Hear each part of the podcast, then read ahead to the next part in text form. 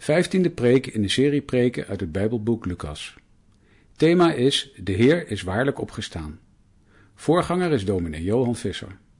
Opgenomen in de Noorderkerk Amsterdam op 21 april 2019. Het waren de vrouwen die op de eerste paasdag de boodschap hoorden en hem kwamen vertellen. En zo is het vanmorgen ook een jonge vrouw, Eva, die ons het evangelie zal vertellen. En dat doet ze uit Lucas 24, vers 1 tot en met 12.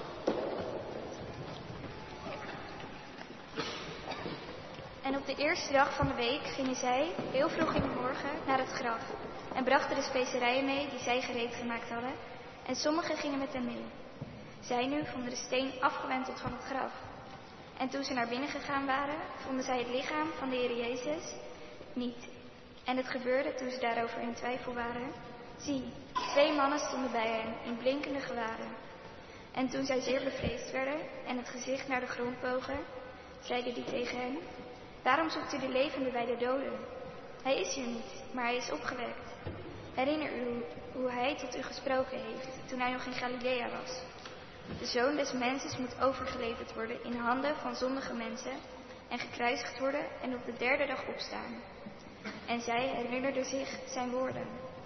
En toen zij teruggekeerd waren van het graf, berichtten ze dit alles aan de elf discipelen en aan alle anderen. En het waren Maria Magdalena, Johanna en Maria, de moeder van Jacobus en de anderen die bij hen waren, die dit tegen de apostelen zeiden. En hun woorden leken hun kletstraat en zij geloofden hem niet. Maar Petrus stond op en snelde naar het graf. En toen hij zich vooroverboog, zag hij alleen de linnen doeken liggen. En hij ging weg en verwonderde zich over wat er gebeurd was. Zalig ben je als je in het woord van God dit evangelie hoort en het bewaart en eruit leest.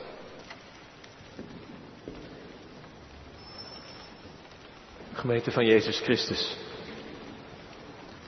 Op een zonnige paasmorgen zoals vandaag kan geloven bijna automatisch gaan. En ik geef vanmorgen de reformator Maarten Luther gelijk toen hij zei, onze Heer heeft de belofte van de opstanding niet alleen in boeken geschreven, maar in ieder blad dat in de lente groeit. Elk groen blaadje wat je onderweg bent tegengekomen, een belofte van de opstanding, van het nieuwe leven. Ja, de schepping viert vandaag ook Pasen, met de zon, de vogels, de bloemen, al het ontluikende groen. En als je dan hier die kinderen ziet zingen, dan kan het niet op. Natuurlijk, het is paas. En tegelijk zegt mijn verstand terecht dat zo'n paasgevoel nog geen paasgeloof is. Want het geloof in Jezus opstanding na het kruis, dat is nog wel iets anders dan het voelen en zien van het nieuwe lenteleven. Gelukkig misschien ook maar. Want Pasen gaat over de lente van de verlossing. Het einde van de winter van het kwaad en de zonde in onze levens en in de wereld. Het gaat niet over een bloem, die Jezus die als een bloem uit de aarde voortkomt, maar het gaat over de Heer die opstaat met de wonden van het kruis nog in zijn handen en in zijn voeten. En juist daarom denk ik dat die verlossing, dat nieuwe leven van Pasen, niet zomaar even wat leven is zoals in de lente, is het ook nooit vanzelfsprekend. En gaat geloven in Pasen ook nooit echt automatisch. Het is daarvoor net te veel van een andere orde, te vreemd. Een verrassing, een inbreuk in hoe de dingen altijd gaan. En dat geldt voor het feit van Pasen dat we vanmorgen uitbundig mogen vieren. Dat gebeuren van 2000 jaar terug. Maar dat geldt ook voor als, er, als het een beetje Pasen in je leven wordt. Als je ogen daarvoor open gaan, dat het over jou gaat. En dat die opstandingskracht van Jezus ook in de wonden van jouw leven gaat werken. Nooit vanzelfsprekend. Nooit zomaar even geloven. En dat het zo is, dat, daarvan is het evangelie zelf het duidelijkste bewijs.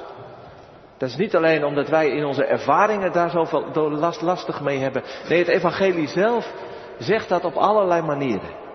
En vanmorgen horen we van Lucas hoe die opstanding van Jezus op drie manieren wordt ontvangen. En alle drie laten ze heel verschillend iets zien van het onverwachte. Dat vreemde van Pasen. Die verrassing. Voor de vrouwen, voor de elf apostelen en de rest die bij elkaar zijn. En voor Petrus. En er is sindsdien niet heel veel veranderd.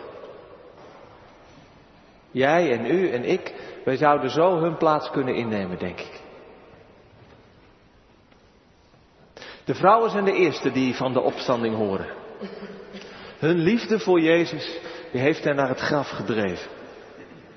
En Lucas heeft verteld dat ze op Goede Vrijdag, nadat Jezus is begraven, daar zijn ze bij, nog snel mirre en specerijen hebben bereid om het lichaam te gaan balsemen. Het is hun laatste daad van liefde en van eer voor hun geliefde meester. En dan op de rustdag, de Sabbat, rusten ze. Maar dan gaan ze vroeg op en verschijnen ze bij het eerste morgenschemer bij het graf.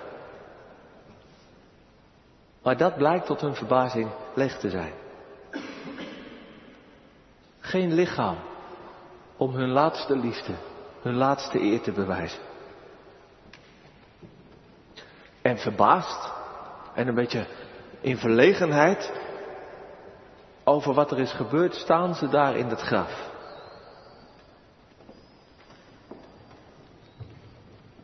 Hun reactie is dus niet met dat ze dat zien. Oh ja, natuurlijk, God kan alles. Ja, dan is hij opgestaan. Oh ja, Jezus had het ook alweer gezegd. Ah ja, kijk.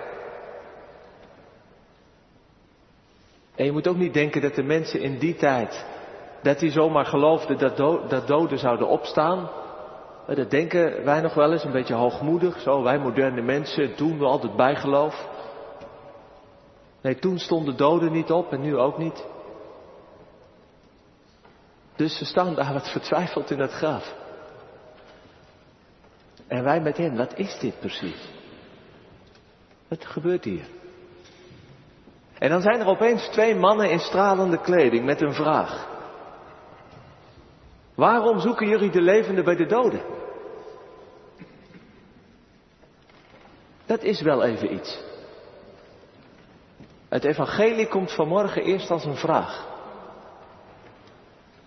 Waarom zoek je de levende bij de doden?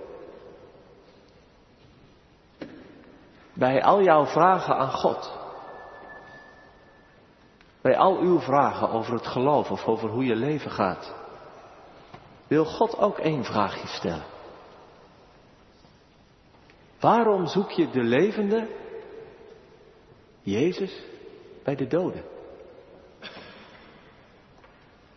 Ja, daar kun je Jezus zoeken. Zoals die vrouwen op de paasmorgen. Met de beste bedoelingen. We kunnen God in de dood zoeken. Ik las onlangs een verhaal van een Rwandese vrouw. Omdat het 25 jaar geleden is dat die gruwel van de genocide in Rwanda is gebeurd. En ze vertelde over hoe dat is om als een overlevende met heel veel van je familie vermoord verder te moeten gaan. Met het trauma, met de haat jegens die moordenaars, met het verdriet. En ze vertelde ook dat haar enige gebed lange tijd was tot God. Moordenaar van mijn familie, waarom heeft u ons wees gemaakt? Zo eerlijk was ze. Maar ze vertelt er ook bij dat hoe meer ik bij God kwam, dus met gewoon deze harde, boze vraag, hoe meer ik veranderde. zodat ze van de dood weg kon gaan, het achter haar kon laten. Dat ze God kon vergeven zoals ze het zelf zei. Ik vond het een, een indrukwekkend teken van dat je God niet vindt bij de dood. Dat, en ook al kom je met, met, met, met je dood en met je worstelingen bij hem, daar zul je hem niet vinden. De levende is er altijd weer om je daar doorheen te halen en verder te brengen. Zoek hem niet bij de doden. En ook niet bij je eigen dode leven. Het kan ook zijn dat je, dat je Jezus daar nog een beetje zoekt in je eigen leven. Dat hij er wel even bij mag op jouw manier. Als de kers op de taart van jouw leventje. Of in een hoekje waar je niet al te veel last van Jezus hebt. Op jouw voorwaarden. Maar daar vind je hem niet. En zoeken we niet allemaal leven? Misschien wel het leven met een hoofdletter. Allemaal zoeken we dat toch? Leven dat goed is, dat blijvend is, wat je vervulling en bevrediging geeft. Ja, waar zoek je dat? De schrijver C.S. Lewis die geeft een voorbeeld, ik heb het misschien wel eens gebruikt, sorry daarvoor dan. Die geeft een, die geeft een voorbeeld van een kind dat op, in, dat op vakantie in een modderplas aan het spelen is. En dat daar niet meer weg wil, want het heeft het zo naar de zin. En de ouders die staan op het punt om naar de oceaan te gaan. Maar het kind krijgen ze maar niet weg bij die modderplas. En Louis zegt het, het lijkt op ons. Wij rommelen vaak nog zoveel aan in ons menselijk leven. Ook met ons godsdienstig gepruts. En we blijven daar maar in zoeken, terwijl God een zee van leven voor ogen heeft. Een vrij en vrijgevig leven in plaats dat je altijd maar het voor jezelf moet pakken. Een, een, een, leven van, van liefde in plaats van, van, van haat en onverschilligheid en, en van die angstvallige zekerheid waarmee je de liefde van je lijf houdt. Een leven van hoop in plaats van dat je daar alles uit moet peuren in het hier en nu. En natuurlijk, je kunt je modderplas steeds groter proberen te maken van je leven. Of je kunt een nieuwe modderplas nemen als de oude saai, saai wordt. Of je kunt je modderplas pimpen met merkspullen en design. Of met een heel vroom godsdienstig randje. Je kunt de spanning, de afleiding zoeken van dat verboden plasje dat altijd lokt. Of je kunt altijd maar door blijven rommelen in je eigen plas totdat je er helemaal bij neervalt. Maar in de modder en het stilstaande water van onze eigen levens, onze modderplassen, schuilt de dood. Op allerlei manieren. Waarom zoek je het leven bij de dood?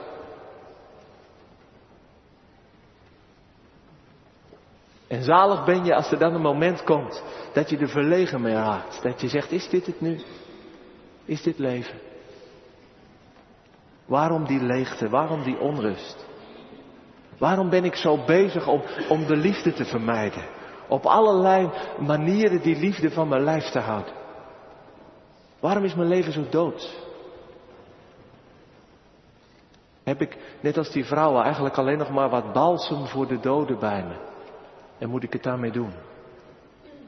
Waar is leven? En dan antwoorden die engelen. Ze zullen waarschijnlijk direct door hebben gesproken, maar het lijkt mij zinvol om eens even eerst die vraag tot ons te laten doordringen. En als dat is gebeurd, dan antwoorden ze, de levende is hier niet. En dat is Pasen. De levende is niet onder de doden. In een rotsgraf, buiten Jeruzalem, 2000 jaar geleden, waar ze Jezus dood hadden neergelegd, is hij niet meer te vinden. Hij die met alle menselijke modder aan het kruis is kapot gegaan. En die echt is gestorven, zo dood als dood is, is opgestaan. En hij is opgewekt als de levende die leven geeft. En we vieren vanmorgen natuurlijk niet het mirakel van één dode.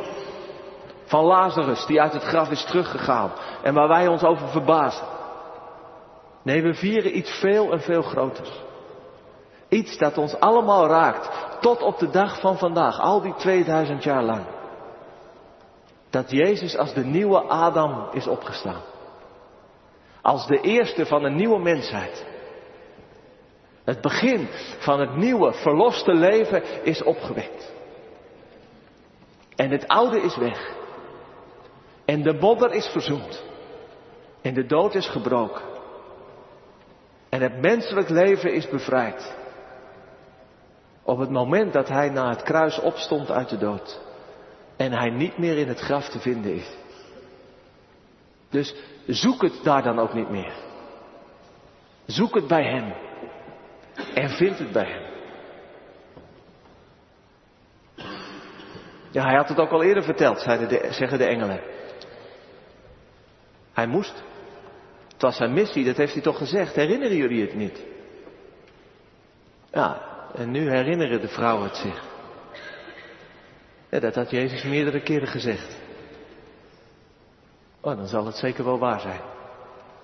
Als hij het had gezegd. En zij zien het nu en ze horen het nu van die twee stralende engelen. Ja, dan moet het wel waar zijn. En ze geloven. Het is wel mooi hoe Lucas het vertelt. Ze geloven niet met heel veel halleluja's en niet met vrees en beven. Met andere grote woorden. Ze geloven gewoon door te gaan. En door het aan anderen te gaan vertellen. En ik bedacht mij, hier zien we dus de meerderheid van de gewone gelovigen. Die gewoon Jezus, God, de engelen op hun woord geloven. En die daarmee aan de slag gaan. Zonder hen, Maria Magdalena, Johanna, Maria van Jacobus en die andere vrouwen. En zonder al die andere miljoenen vrouwen na hen en mannen natuurlijk ook. Zou het geloof niet zijn begonnen. En zou de boodschap van Pasen nooit over de wereld zijn verspreid. Dus schaam je alsjeblieft niet als je een gewone gelovige bent. Die het maar gewoon eenvoudig gelooft. En die niet zo moeilijk doet. En die niet per se heel veel grote tekenen en ervaringen nodig hebt. Maar die heel gewoon dat natuurlijk vreemde woord van God en die verrassingen van God gelooft. En er dan gewoon mee aan de slag gaat. Het gaat vertellen. Schaam je niet als je net als deze vrouwen gewoon gelooft. Moest nog even denken aan die Leonie uit Rwanda. Want die had niet een heel groot geloof na alles wat er was gebeurd. Maar wat ze had was dit. Een tekst die bij haar ouders aan de muur hing. En die ze had overgekrabbeld in die gruwelijke tijd. God weet dat ik besta. En dat is genoeg voor mij. Dat is natuurlijk helemaal niet zo'n grootse geloofsbelijdenis. Maar God weet dat ik besta. Met alles van mij. En hij kent mij door en door tot in, in zijn liefde. En hij weet ook hoe, hoe ik ermee om moet gaan en wat, met, met alles wat er in mijn leven is. Maar het is genoeg voor mij. En daarmee ga ik verder. En daarmee kan ik verder. Dat doen die eerste gelovigen op de paasmorgen ook. Die vrouwen. Ze gaan het aan de elf apostelen en de rest die daar ergens samen zitten in Jeruzalem vertellen. En ik stel me zo voor dat ze daar zitten, zoals de Fransen dinsdagmorgen naar hun smeulende Notre Dame zaten te kijken. Maar dan nog erger. Van Jezus was niks meer over. Alles waar zij hun kaarten op hadden gezet. Hun oude leven achter zich gelaten. Hun hoop en zaligheid opgesteld. Het was nu dood. En daarbij ook nog de schuld en de schaamte dat zij Jezus in de steek hadden gelaten. Ondanks hun grote woorden. En dan komen daar die vrouwen vertellen wat ze hebben gezien en gehoord.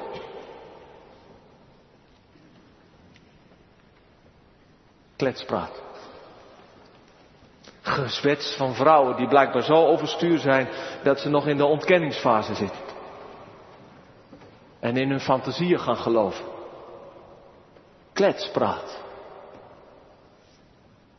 Het is ook hierom dat ik zo van de Bijbel houd. Zo eerlijk. Zo genadeloos eerlijk. Ook over ons gelovigen. Zonder het allemaal mooi te maken of glad te strijken. De Bijbel, dat is echt niet een vroom traktaatje of zo. Waarin alles helemaal glad en netjes. Hier, kijk eens, moet je geloven. Of een soort reclamefolder voor de kerk. Nee, dit is zo eerlijk. De apostelen, de apostelen. Die geloofden niet in de opstanding. Kletspraat. Misschien net als jij of ik, sceptisch.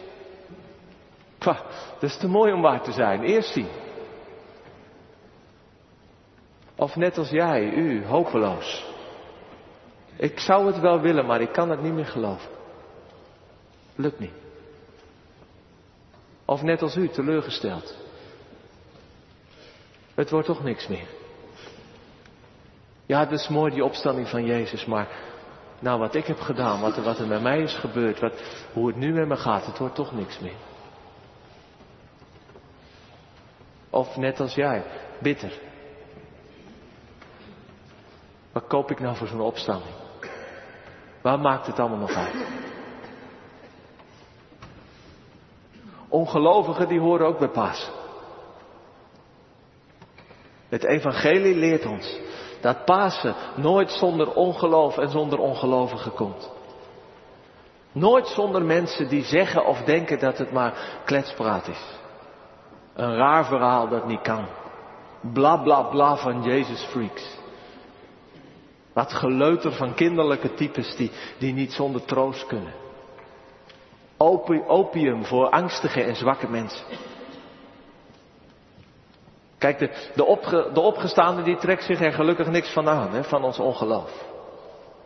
Hij is en hij blijft gewoon opgestaan. En niemand krijgt hem meer ooit terug het graf in. Maar jij en u en ik met ons ongeloof, we, we horen er wel bij. Onlosmakelijk. En dat is ook evangelie. Maar dan staat één van die ongelovigen op. Hij staat op. Hij staat op. Net als Jezus. Het is Petrus die, die, die weg moet blijkbaar. Hij houdt het hier niet meer uit. Begint hij te twijfelen aan zijn ongeloof? Of voelt hij maar al te goed aan dat, ja, dat ongeloof ook helemaal niks aan de ellende verandert? Want dan moet hij het op eigen kracht doen en daar had, in die kracht had hij zich al eerder pijnlijk vergist. Dat ongeloof ook zeker geen verlossing is. Het wordt soms wel een beetje zo voorgesteld. Als je niet gelooft, dan ben je vrij. Dan ben je beter af. Nee. Petrus staat op. En hij begint te rennen. Hij moet het zien. En daarmee begint bij hem het paasgeloof. Opstaan. En de boodschap van Pasen is ook een uitnodiging aan u en aan jou en aan mij. Jezus is opgestaan. En blijf dus niet liggen. Blijf niet zitten. In je ongeloof of in je teleurstelling. Of ook in je burgerlijke zetel van, van huisje, boompje, beestje. Blijf niet zitten achter je scherm waar je vooral aan het gamen bent. Of, of aan het kijken naar de levens van anderen. Wordt het niet eens tijd dat je opstaat en aan je eigen leven gaat beginnen? Blijf niet zitten in je carrière die alleen om jezelf draait. In je slachtofferschap en je eigen grote gelijk. In je angst voor het leven. Of in je gerommel met de zonde. In je schuld en je schaamte. In de greep van wat anderen vinden en anderen doen.